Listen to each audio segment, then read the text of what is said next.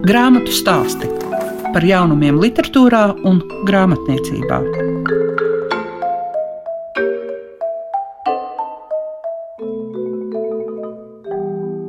Klāt ir grāmatu stāstu laiks. Labu dienu jums saka Liega Piešiņa, un mēs šodien pievērsīsimies Denis Hanova rakstītajam.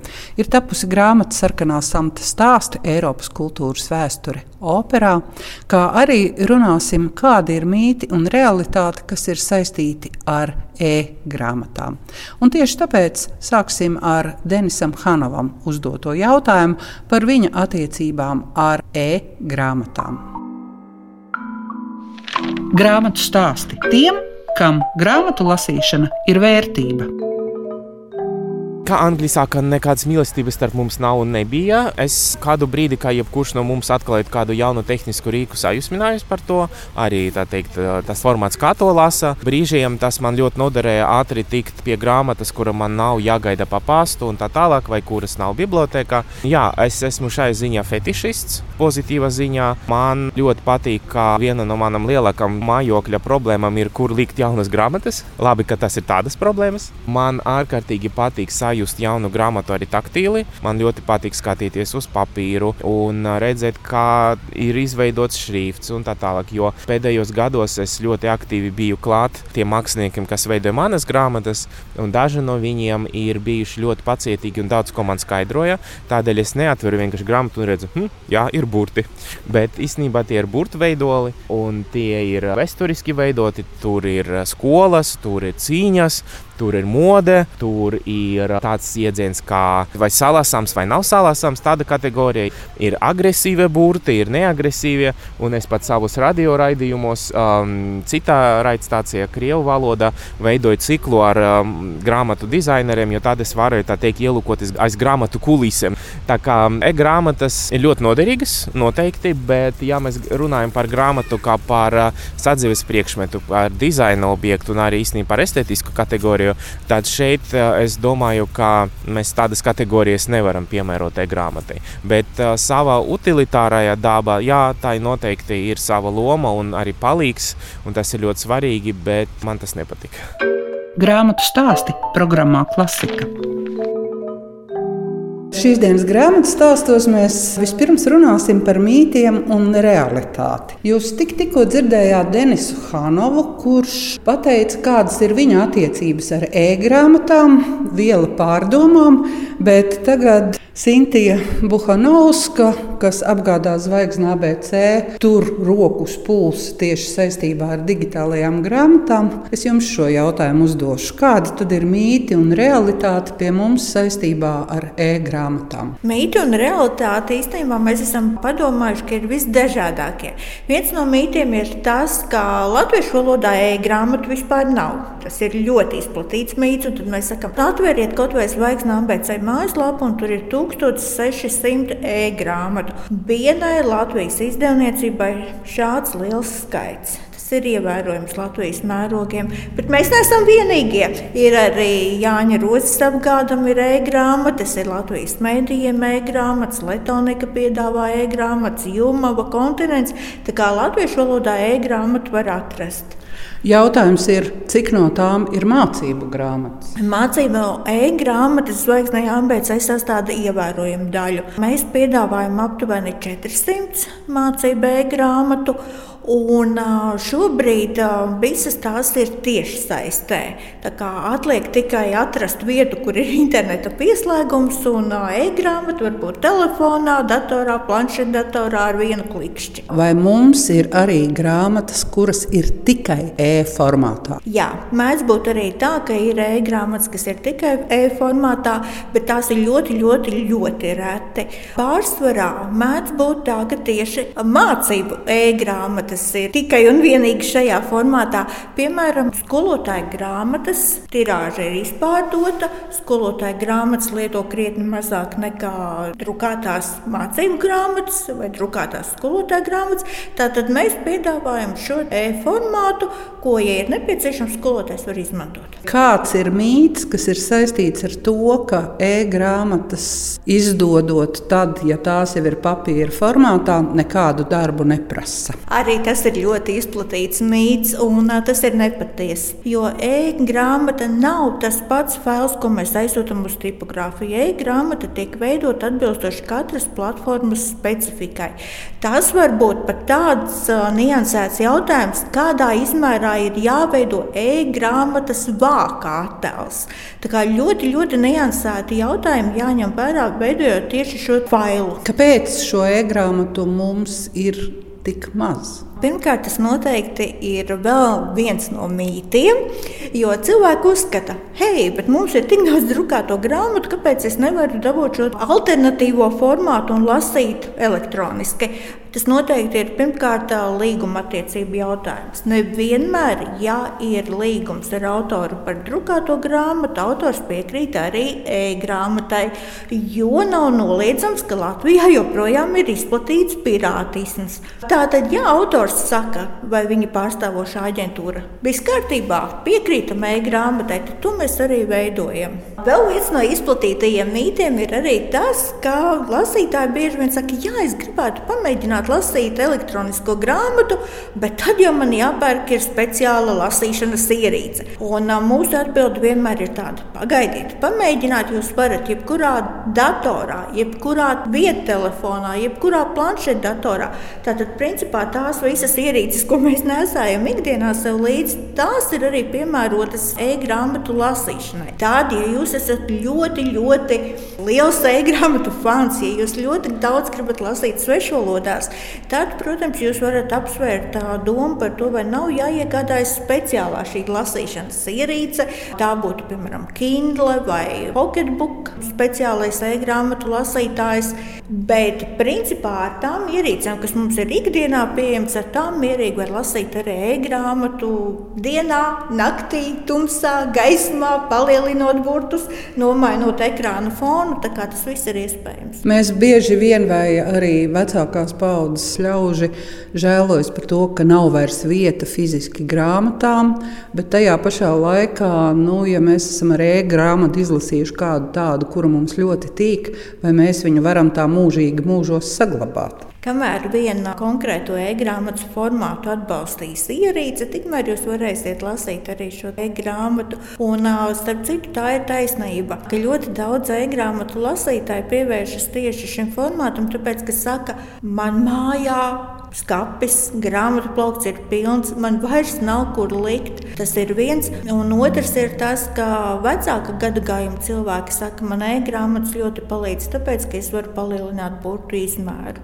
Vai jums pašai ir kāda tāda grāmata, ko jūs esat vispirms e-grāmatas formātā lasījusi un pēc tam tomēr papīra formātā nopirkusi?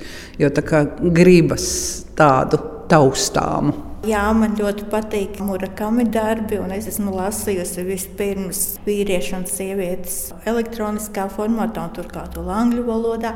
Tāpat tās nesen ar Salijas Rūnijas romānu Normāli cilvēki. Tā bija, ka es izlasīju e-formātā angliski, un tiklīdz tika izdots šis darbs latviski, man vienalga vajadzēja pirkt drukāto formātu, jo ļoti, ļoti patīk šie darbi, un ir tā sajūta, ka var arī pataustīt un atgriezties pie tā, kas ir ļoti patīk palicis drukātā formātā. Noraksturojot normāli cilvēki. Normāli cilvēki esam mēs, ik viens, kas dzīvojam šobrīd un cīnāmies ar saviem demoniem, ar savām vajadzībām, ar savām vēlmēm, iegribām, ar to, ka mums ir blakus kāds cilvēks, kuru mēs mīlam, un mēs gribam, lai mums ir šī pretmīla, un mēs gribam vienkārši normāli izbaudīt dzīvi. Mēs visi esam normāli. Grāmatu stāsti tiem, kam grāmatu lasīšana ir vērtība. Es atrodos līdzās Denisam Hanovam, un mums ir kopīgi jāatver kāda grāmata, kuras oficiālā atvēršana ir 14. oktobris. Jā, tik tiešām runa ir par grāmatu Sarkana Samta stāsti. Un šajā grāmatā es mēģināju analizēt Eiropas kultūras vēsturi, tā teikt, caur operas vēstures prizmu. Operā, operas ložā, operas teātris un, protams, arī skatuvē, balsis. Tas viss kopumā būs tā atslēga vai telpa, kurā varētu mēģināt mums palīdzēt izskaidrot dažādus Eiropas kultūras posmus, procesus, arī personības un to, kāda veidā mēs šodienas eiropieši varam atskatīties atpakaļ un ieraudzīt, kā arī mūsdienu politikā un kultūra politikā daudz kas ir no teātra mākslas. Šobrīd, kad mums liekas, ka visapkārt ir tikai spēle, tas šķiet būtiski.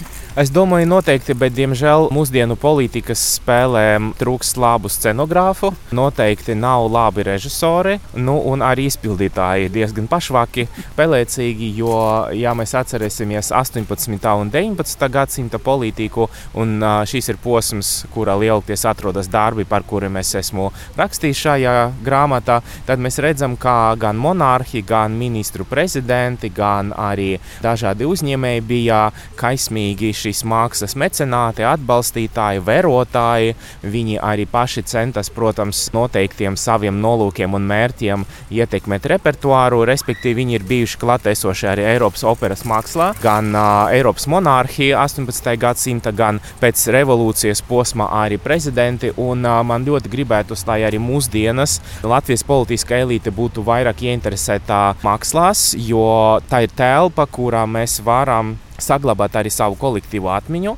Man ļoti gribētos, lai atbalstītu pētniecību arī Latvijas operas vēsturē, un man ļoti gribētos, lai arī Latvijas teātri varētu aicināt daudzus vai krietni vairāk Eiropas un pasaules mēroga režisorus, lai būtu mākslinieciski strīdi, lai nebūtu mākslas cenzēšanas mēģinājumi, lai māksla būtu autonoma, droša, pluralisma vidē, lai tur strīdi nozīmētu meklēt jaunas izteiksmes formas, varbūt provēt jaunus sižetus, jaunus tēlus, varbūt uzvest uz skatuves jaunas sociālas tēmas, respektīvi tuvoties tam, par ko opera ir kļuvusi 18. gadsimta. Proti, tā ir bijusi nevis repertuārā, varbūt tāda senatnīga māksla, tradicionālā, bet tā ir bijusi tā laikā laikmetīga māksla, kura, protams, atspoguļojas arī daudzi politikas elementi, jo, kas manuprāt ir arī ļoti interesanti un fascinējoši,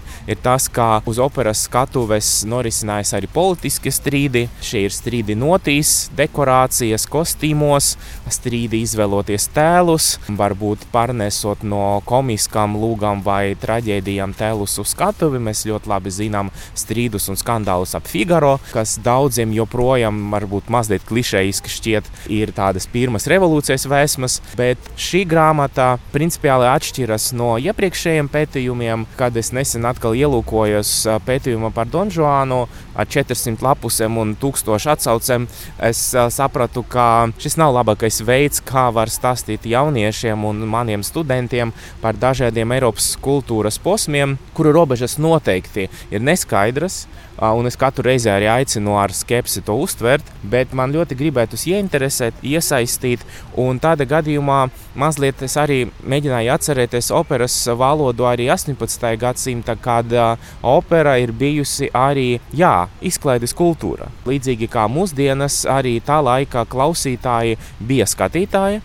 Tādēļ tik strauji attīstījies arī teātris mašinērija, kuras mērķis bija Atkal līdzīgi kā mūsdienas kases grāvēju mērķis ir sajūsmināt, šokēt, lai cilvēkiem aizrautos elpa. Līdz ar to pārsteigumi gan muzikālie, gan vokālie, gan, protams, arī kas attiecas uz scenogrāfiju, bija ļoti būtiski. Un publikā kļuva aizvien kaprīzāka, prasīgāka, un līdz ar to aizvien grūtāk bija to pārsteigt un iekarot. Jo, protams, arī vairākas nelielākas pilsētas, it sevišķi Itālijā, bija ļoti daudz iespēju iespēju izklaidēties. Protams, Venecija kā karnevāla epicentrs bija telpa, kura bija ārkārtīgi daudz operas teātru palika tikai Lafeniča nosacīta, kas visu laiku dega. Bet mēs runājam par tā laika izklaides kultūru.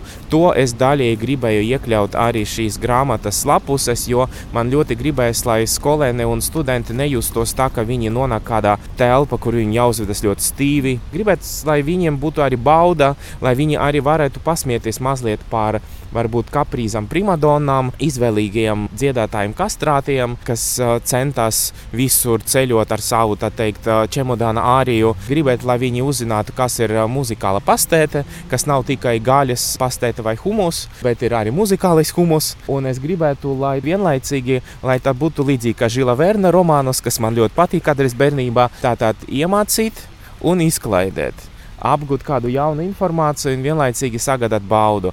Tādēļ šī grāmata ir zināmā veida 15 nodaļu ceļojums, 15 pieturas, un vienlaicīgi mēs nepametam operas ložu, jo šis audums, sarkanais audums, protams, simbolizē arī operas telpu. Un, uh, man tā ir telpa, kuru es mīlu kopš tīņu vecumā, un biju domājis, ka varbūt šis varētu būt tas filtrs, kā es varētu paskaidrot arī, piemēram, par antīkas kultūras elementiem, par uh, Sofokla un Eiripīda traģēdiju struktūru, par tēmām, par to, kā ap traģisko notikumu, jo atzīšos, lielākā daļa piedāvāto operu šajā tekstā ir traģēdijas. Man ne visi patika uh, opera bufa, līdz ar to es atzīšos, es biju arī ļoti subjektīvs. Kas nav šajos gadsimtos mainījies, opera un sabiedrība? Es domāju, ka mēs tagad varam novērot uh, kaut kādā mērā tādu cikliskumu, proti 19. gadsimta beigas ļoti lēni, lēnāk nekā mums šķiet, bet īstenībā drīzāk pat 20. gadsimta sākumā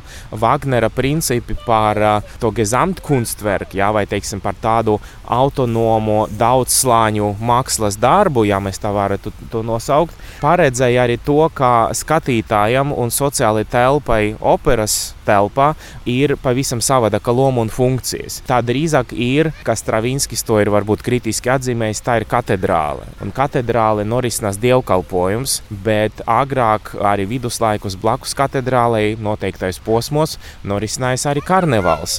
Un es domāju, ka 17. un 18. gadsimtā klausītājs ir daļa no operas izrādes. Brīžiem par īpašo summu atbalstu, piemēram, franču aristokrātija varēja operas izrādes laika sēdēt uz skatuves, un, kā par to liecina avoti, arī brīžiem koķetēt ar solistiem un solistēm, kas būtu neiedomājams mūsdienas, bet tā ir bijusi tāda interakcija praksē, par ko vēl Gēte arī sadusmojas, jo viņš bija klāt viena no Itālijas uh, opera teātru izrādēm un tā dusmīgi ziņoja savas piezīmes par Itālijas ceļojumu, kā kastrāta dziedātājs, tā teikt, noteikti savā vokālajā starpbrīdī nokāpa no skatuves, parunāja ar kādiem paziņām, tad atgriezās atpakaļ un turpināja sajusmināt cilvēkus ar savas balss tehniskām dotībām. Tātad šis klusums un tumsā. Tātad Wagneriskā katedrāle beidza pastāvēt, man liekas, pirms dažiem gadiem, kad operas māksla strauji demokratizējas, arī pateicoties digitālai kultūrai. Mēs varam, protams, savādāk uh, uztvert operu un justies tajā, tad, kad mēs esam kinoteātri. Kaut arī jauki, kā kinoteātros tomēr turpinās, varbūt vismaz kaut kādā noteiktā apmērā priekšstats par to, ka tomēr mēs neiesim tur ar uh, hamburgeriem vai ar Coca-Cola un tā tālāk. Tas ir viens. Otrais ir tas, ka ir vairākas izrādes, kas notiek tāda koncerta versijā, koncertu uzvedumā. It sevišķi Vīnē, Vīnes teātris ar to ir ļoti slavens, un tas ļauj arī atdzīvināt aizmirsto repertuāru, bet tur arī īsti nenodzēš pilnībā gaismu. Tātad var lasīt libretu, var arī tādā gadījumā sarunāties un sazināties ar citiem. Tur ir papildus trokšņi, un tas ir tas, kas kādreiz ir bijis, tad pazuda un tagad atgriežas. Es domāju, ka ļoti labi, ka brīžiem pie operas teātriem tiek novietoti ekrāni, ka opera kļūst mazāk elitāra, tātad mazāk atbaidoša, bet no tā jau partitūra necieš paldies Dievam, partitūru. Es ļoti ceru, nevarēs pakļaut tam, kā ātrāk, vieglāk un paviršāk. Kaut arī tas ir noticis jau arī 19. gadsimta, pielāgojot to gan skatuvēm, gan arī noteiktiem impresāriem, gan arī teikt, auditorijas ieradumiem. Tas vienmēr ir noticis. Bet uh, es, es domāju, tāda negatīvā ziņā. Tā kā Šķiet, ka mēs atkal saredzam kaut ko no 18. gadsimta. Man ir daudz problēmu ar dažādām aplikācijām, kas ļauj sekot eh, libretam, īpaši Latvijas Nacionālās operas versijā, bet es redzu, ka to lielākoties neviens neizmanto. Tā kā manas bailes varbūt bija pārāk emocionālas. Es ļoti gribētu, lai parādītos aizvien vairāk tas, ko mēs sauktu par laikmetīgu operu, jo tāpat kā laikmetīga māksla, ir jāprot šī opera nu, nosacīt lasīt, tātad klausīties. Tas ir izaicinājums, bet vienlaicīgi es domāju, ka man ļoti gribētos, lai būtu varbūt vairāk dialoga ar laikmetā esošo partitūru un īstenībā libretu, kas ir neliela drāma. Pēc būtības tā ir luga, metastāzija, teksts ir lugas. Un tādā gadījumā ļoti gribēts, lai režijā parādītos vairāk tieši dialogs, nevis uzspiest, izslēgt un marginalizēt arī laikmetu.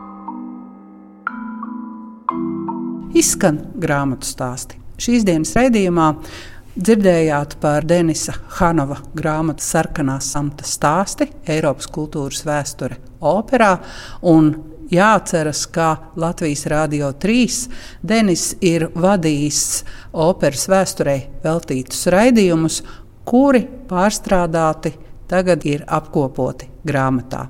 Kā arī runājām par mītiem un realitāti, kas saistīti ar e-grāmatām. Visu labu jums saka Liega Piešiņa. Grāmatu stāsti par jaunumiem literatūrā un grāmatniecībā ik trešdienu, 9.5. ar atkārtojumu Svētdien, 18.15.